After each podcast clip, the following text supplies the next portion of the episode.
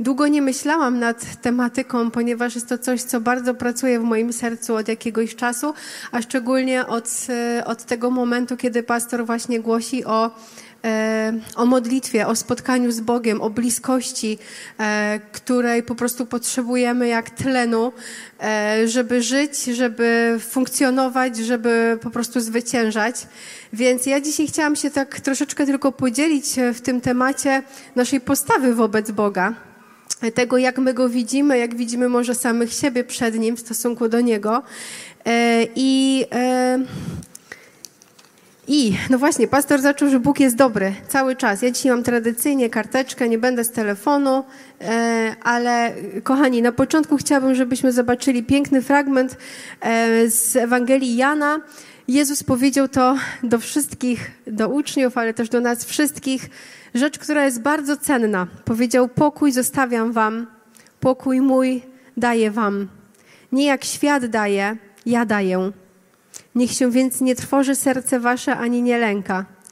Myślę, że jak Jezus wiedział, że odchodzi z tej ziemi i, i wiedział, na co się szykuje i na co my musimy się szykować, to wiedział, co nam pozostawić. Myślę, że pozostawił nam coś, bez czego chyba byśmy sobie nie poradzili. Jest to Boży pokój. E, I to jak, to, jak odczuwamy Boży pokój, jest niesamowicie ważne. Zobaczcie, że on tutaj podkreślił: Ja wam daję. Nie tak jak świat, ale ja wam daję. Jaki pokój daje świat? Świat nam daje taki pozorny pokój. Pokój jest tylko wtedy, kiedy nic się nie dzieje, albo jak, tylko jak dobrze się dzieje, tak? Jak zaczyna się coś chwiać, jak zaczyna się coś dziać, zaczynają przychodzić jakieś wiadomości, diagnozy, różne rzeczy, nagle okazuje się, że żadnego pokoju nie ma, a tak naprawdę go nie było. I, I, to jest ta pułapka, tak, że, że świat nam daje coś, co, ma zaspoko- co o ile zaspokaja nasze żądze, nasze pragnienia, to wtedy mówimy, o jest spokój, czuję się super, czuję się fantastycznie. Natomiast jak coś jest nam odebrane, podważone, chociaż w delikatny sposób, nagle zaczyna nas szargać, nagle nie jesteśmy sobą, nagle się okazuje, że po prostu posady nam się chwieją.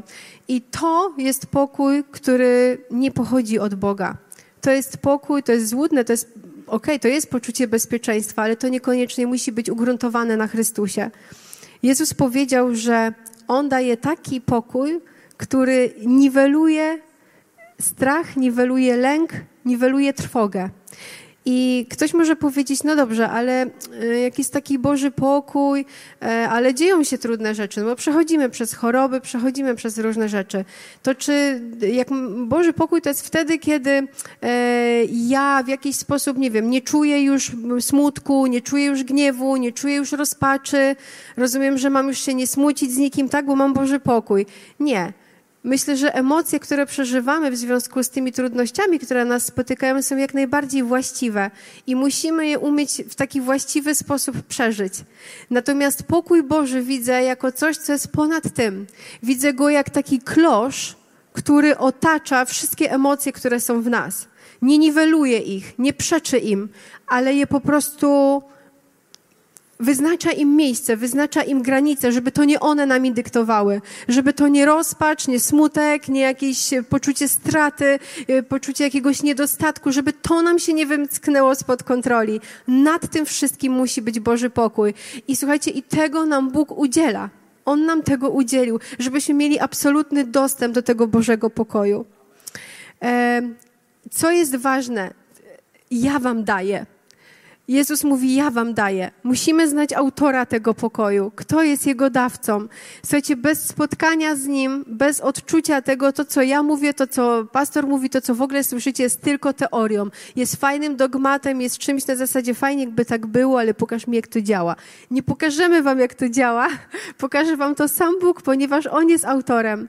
On jest dawcą po prostu pokoju. Więc przyjdź do Niego, przybliż się, zaufaj odpocznie, niech odpocznie Twoje serce przy nim i odczujesz Boży pokój, który uspokoi każdą burzę. I burze są właśnie takim fajnym weryfikatorem, tak? Czy ten pokój w sobie mamy, czy ten pokój Boży nas ogarnia. Wiecie, inni to widzą. Inni to bardzo widzą. E, jest to, e, Boży pokój jest taką niesamowitą cechą, że on jest naj, najbardziej delikatny, najmniej taki e, spektakularny, a najbardziej go ludzie widzą. Nie wiem, czy masz taką okazję, że ktoś ci kiedyś powiedział, Boże, jaki ty jesteś spokojny, jaki ty jesteś po prostu w tym wszystkim, może nie wyluzowany, ale jak ty to robisz, jak ty to ogarniasz? To jest ten Boży pokój. On się nie chwali, on nie szuka swego, on nie jest na scenie, ale on po prostu emanuje.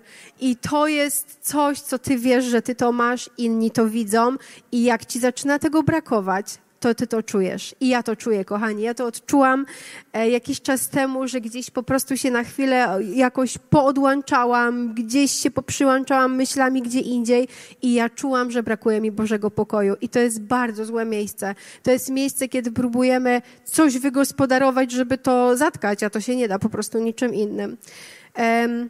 To, co jest najważniejsze, jeśli chodzi o Boga, to kochani, Bóg jest dobry. I Bóg jest dobry, dał nam pokój i On jest dobry dla mnie, ale jest też dobry przeze mnie. Dobry dla mnie jest, ponieważ mnie kocha, ponieważ daje mi poczucie spełnienia, celu, namaszczenia i takiego przeznaczenia. Amen? On jest dobry dla mnie. Kochani, nikt z nas tak naprawdę, choćby um, może tak, głoszono nam Ewangelię w różny sposób. Jedni się na, na, nawrócili na jakichś krucjatach, jedni gdzieś w swoim pokoiku, jednym ktoś głosił, drudzy sami coś usłyszeli, ale jedno jest pewne, że tylko i wyłącznie dobroć Boża przyprowadziła was do Chrystusa. Zgadza się? Dobroć Boża. Nikt pewnie wam nie obiecywał złotych stoków, nie wiadomo jakich sztab po prostu, wyjazdów, podróży, życia bez żadnej choroby. Nikt nam tego nie obiecywał. Ale przyszliśmy do Boga, położyliśmy swoje życie. Dlaczego? Bo gdzieś w duchu odczuliśmy, że On jest dobry i On chce dobrze dla mnie. Kiedy Bóg mówi, ja wiem, jakie mam myśli o was, myśli pełne pokoju, a nie niedoli, aby was natchnąć nadzieją, to to jest słowo, słowo, które myśmy przyjęli i które zbudowało nasze świadome chrześcijaństwo.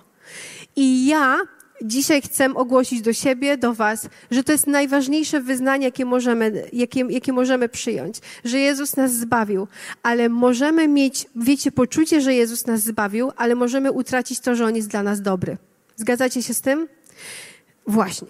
Słuchajcie, yy, przyjęliśmy Jezusa jako Zbawiciela. Możemy głosić nawet Jezusa jako Zbawiciela. I niektórzy to robią.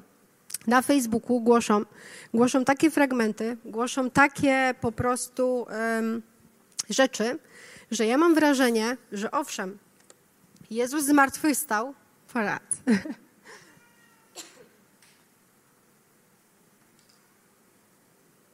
um, że wiemy, że Jezus zmartwychwstał, ale z tego, jak oni głoszą, w jaki sposób my, chrześcijanie, coś robimy albo źle robimy, to ja czasami mam wrażenie, czy naprawdę Bóg jest dobry.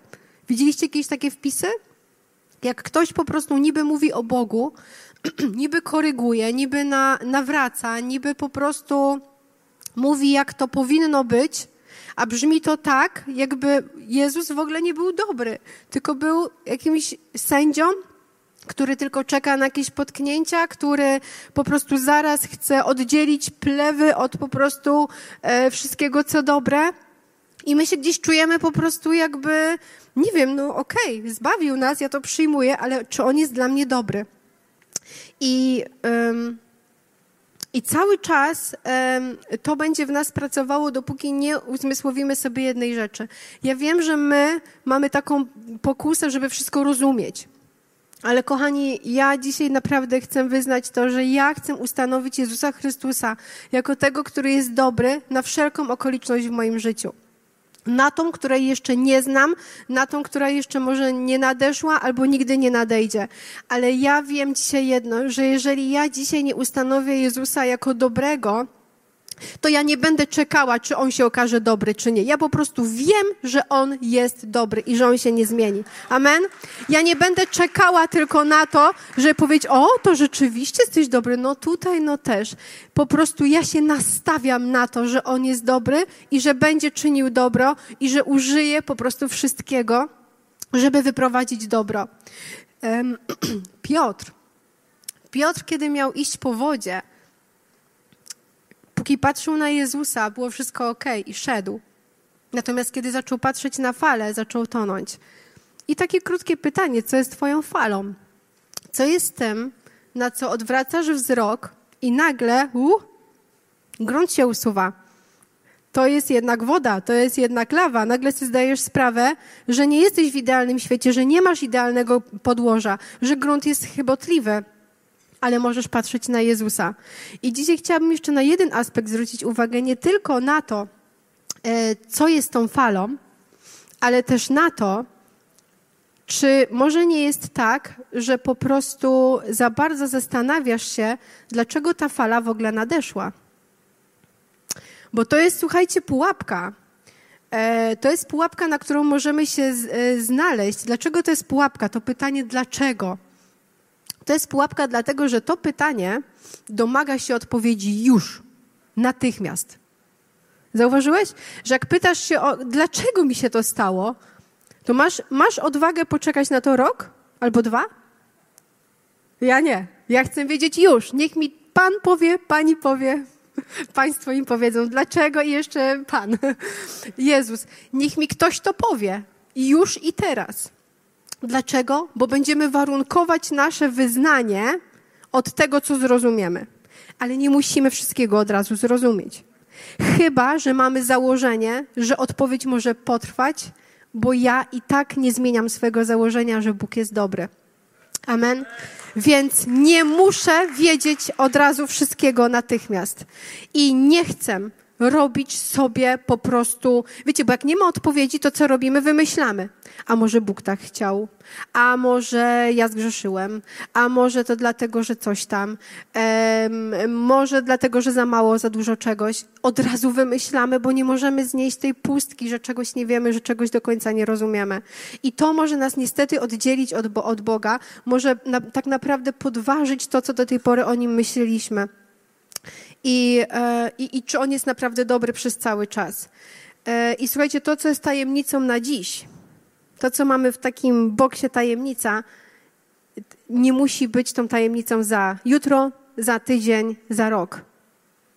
Ale nie domagaj się, nie obrażaj się, że nie wiesz tego od razu dzisiaj. Wiecie, czasami trzeba trochę Bogu wybaczyć. Można powiedzieć, o, wybaczamy tylko złym ludziom, Bóg jest dobry, to co ja mam mu wybaczać? Ale on w swojej dobroci pewne rzeczy kryje czasami, nie przed nami, ale dla nas. I czasami one są ukryte przez jakiś czas.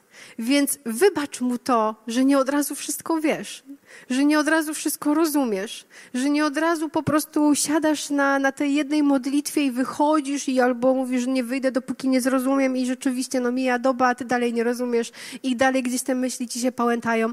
Wybacz to że nie musisz wszystkiego wiedzieć, bo inaczej cię to zwiąże. Jeżeli będziesz miał takie oczekiwanie do Boga, że On ci tu i teraz wszystko wyłoży i już po prostu wszystko się zmieni, to będziesz zawiedziony. Możesz być zawiedziony, bo nie na tym polega mądrość i rozwaga Boża. To Jego myśli nie są naszymi myślami. I ja chcę Mu dać przestrzeń, aby On był Bogiem, żeby On zadecydował, kiedy i co mi wyjaśni, żeby to On mi wytłumaczył, żeby to On mnie przygotował, wprowadził i dał zrozumienie w odpowiednim czasie. Nie chcę tego wymuszać. Słuchajcie, Piłat nie mógł znaleźć w Jezusie żadnej winy. Nie mógł znaleźć z nim żadnej skazy, żeby go oskarżyć. Nie mógł znaleźć nawet y, żadnej manipulacji, którą mówił, a o którą był oskarżany. Więc jeżeli on taki jest i jeżeli ty nie dostrzegasz w nim żadnej winy, jeżeli ty nie dostrzegasz w nim żadnej skazy, to nie dostrzega jej również w sobie. Dlatego, że jeśli jesteś ukryty w Chrystusie, to Twoja zmaza i skaza są również ukryte. Amen? Ich po prostu nie ma. Bóg ich nie policzy i nie poczytuje. Jesteś ukryty pod Jego dobrocią. W Jego dobroci jesteś zanurzony i już nie ma on dobry, a ja taki. W Nim, kiedy jesteś zanurzony, wszystko staje się zgodne z Jego naturą. Taki, jaki On jest. I skoro dał nam pokój, bo sam jest pokojem, to i my się tym pokojem stajemy. I nie ma innej, nie ma, nie ma innej opcji. E, jeszcze takie dwie rzeczy, które chciałam się tylko z wami podzielić. Mm, to jest to, co Paweł Godawa kiedyś powiedział. Ja to często mówię, na wszystkich jakichś warsztatach, gdziekolwiek zawsze mówię. Ból nie woła o ulgę, ale o rozwiązanie. Ja to uwielbiam. Słuchajcie, my często jako ludzie potrzebujemy ulgi i naprawdę wymówki przynoszą ulgę. Mamy mnóstwo wymówek, ja mam mnóstwo wymówek, żeby coś robić, nie robić, one przynoszą wielką ulgę, ale ból woła o rozwiązanie. I słuchajcie, wiara w Boże dzieło tak naprawdę jest rozwiązaniem.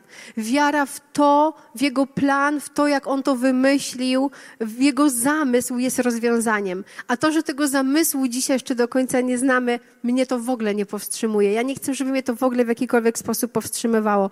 I skoro e, Bóg nauczył mnie i, i pozostawił to, co pozostawił, pokój, pozostawił moc, pozostawił zbawienie, pozostawił oczyszczenie, to w tym jest rozwiązanie. I ja nie chcę tego rozwiązania też szukać gdzie indziej, nie chcę po prostu wymuszać go, ani po prostu, nie wiem, zdobywać go w inny sposób. Wiem, że rozwiązanie jest w Bożym planie, w tym, co dla nas przeznaczył. I wiem, że ten plan jest szerszy niż mój ogródek, niż mój dom, niż moja rodzina, z którymi i tak jest dużo e, roboty, ale rozwiązanie jest trochę dalej. I wiecie, nie ma nic piękniejszego, jak otwierasz się na Boże rozwiązanie, jak Bóg wtedy poszerza Twoje namioty, poszerza to, że Ty się już nie koncentrujesz tylko na swoich sprawach, możesz usłużyć innym, możesz być w miejscu, gdzie dajesz życie. To jest Niesamowite, bo tak jak powiedziałam, Bóg jest dobry dla mnie, ale jest też dobry przeze mnie dla innych. I to jest właśnie ten moment, słuchajcie, że kiedy odczujesz, że, twoja, że Twoje połączenie z Bogiem jest dla kogoś odpowiedzią, że jest dla kogoś ratunkiem, nie ma lepszej strawy. Nie ma lepszego pokarmu niż osoba, która siedzi na Twojej kanapie, której zaparzyłeś herbatę, z którą możesz porozmawiać i tchnąć trochę nadziei. Amen. Z tym nie ma, po prostu to jest coś najpiękniejszego, że ja mogę patrzeć, że Bóg jest dobry dla innych przeze mnie w takich malutkich, naprawdę malutkich rzeczach.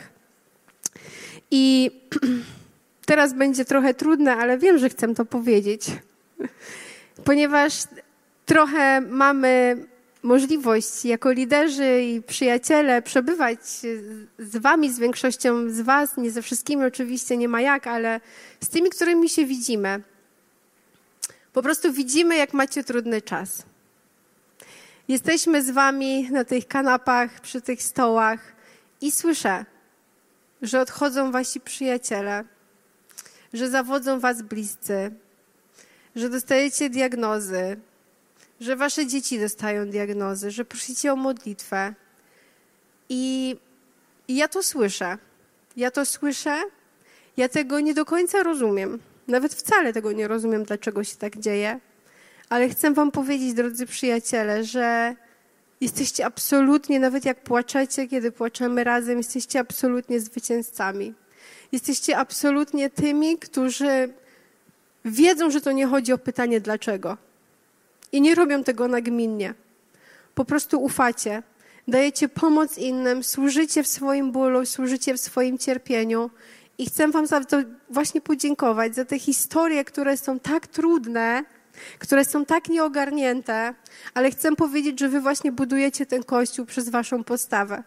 Kościół nawet nie wie po prostu, ile wy przechodzicie. Niektórzy to wiedzą, nie robicie tego publicznie, ale ja chcę wam powiedzieć, że to buduje moje serce, moją wiarę i że to nie jest tak, że brak przeciwności jest tylko halleluja. Dla mnie dzisiaj halleluja jest zwycięstwo po prostu w chorobach, w diagnozach, w stratach, w żałobach, w tym wszystkim, gdzie wyznajecie Chrystusa jako Pana, że wy go dalej widzicie jako tego, który jest dobry. Chcę wam za to absolutnie podziękować.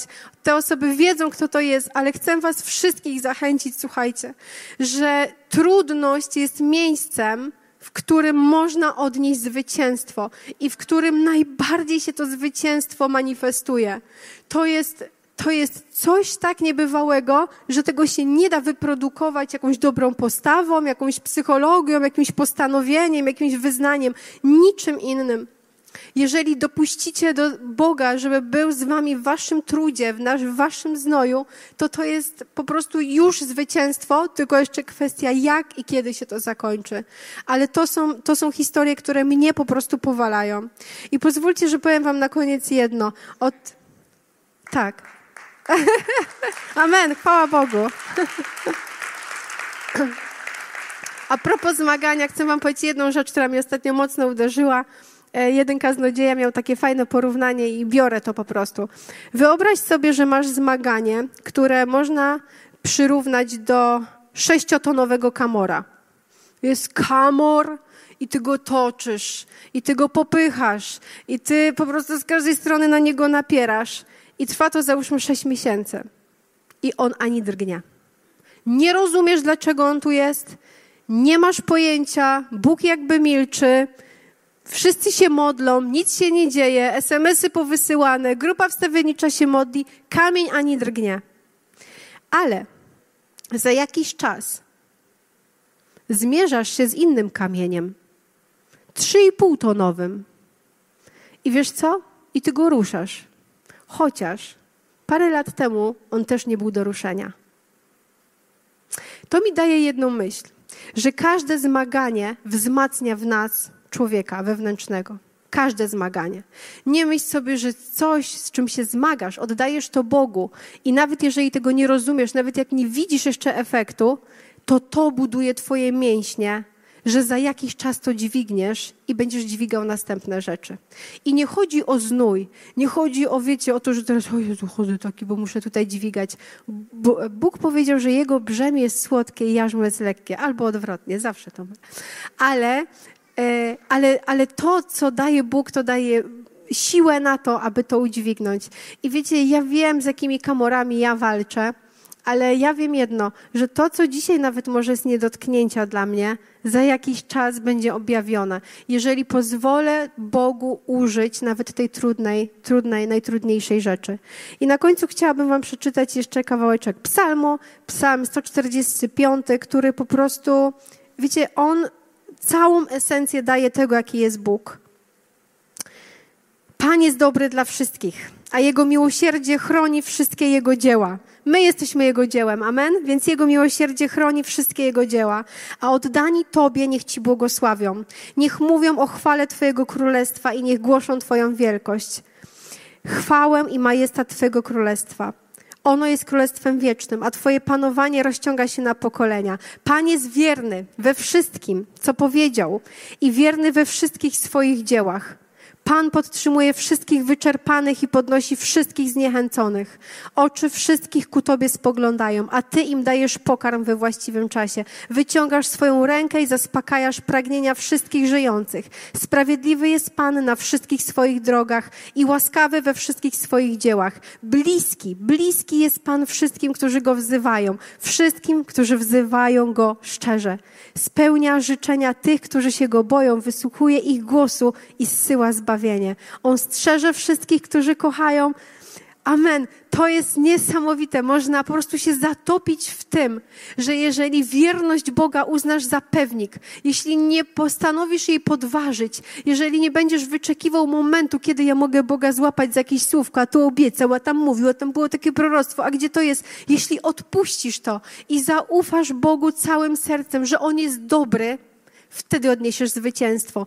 I na sam, sam, sam koniec, czym jest uwielbienie? Uwielbienie jest właśnie oddaniem chwały Bogu z założenia, że On jest dobry, święty. Nie dlatego, że dzisiaj się wyrobiłem ze wszystkim i w ogóle dostałem super wiadomość, ale mimo tego ja staję i moje uwielbienie chciałabym, żeby było stałe w każdym czasie, w każdej okoliczności, bo to jest moje postanowienie że ja chcę go widzieć dobrym, ja go znam dobrym, ja go poznałam jako dobrego. A jeśli to nie działa, to jak pisze apostoł Jan, wróć do pierwszej miłości.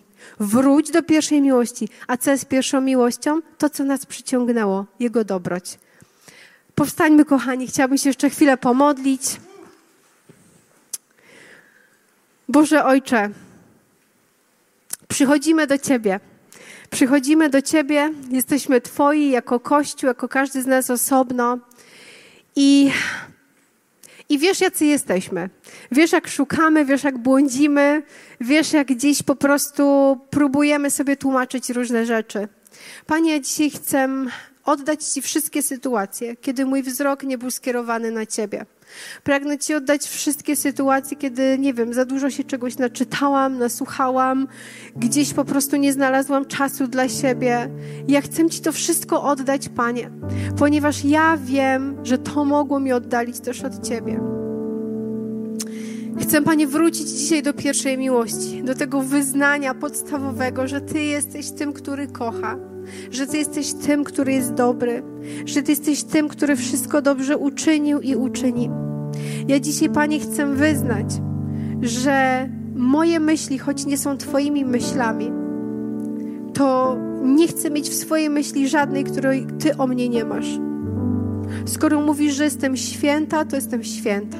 Skoro mówisz, że jestem odkupiona, jestem odkupiona. Skoro mówisz, że nie widzisz mojej winy, to nie widzisz mojej winy. I nie chcę się za nią katować. Skoro mówisz idź, to chcę iść. Skoro mówisz zatrzymaj się, chcę się zatrzymać. Panie, Twój pokój jest tym, co chcę, aby mnie ogarniało. Po prostu.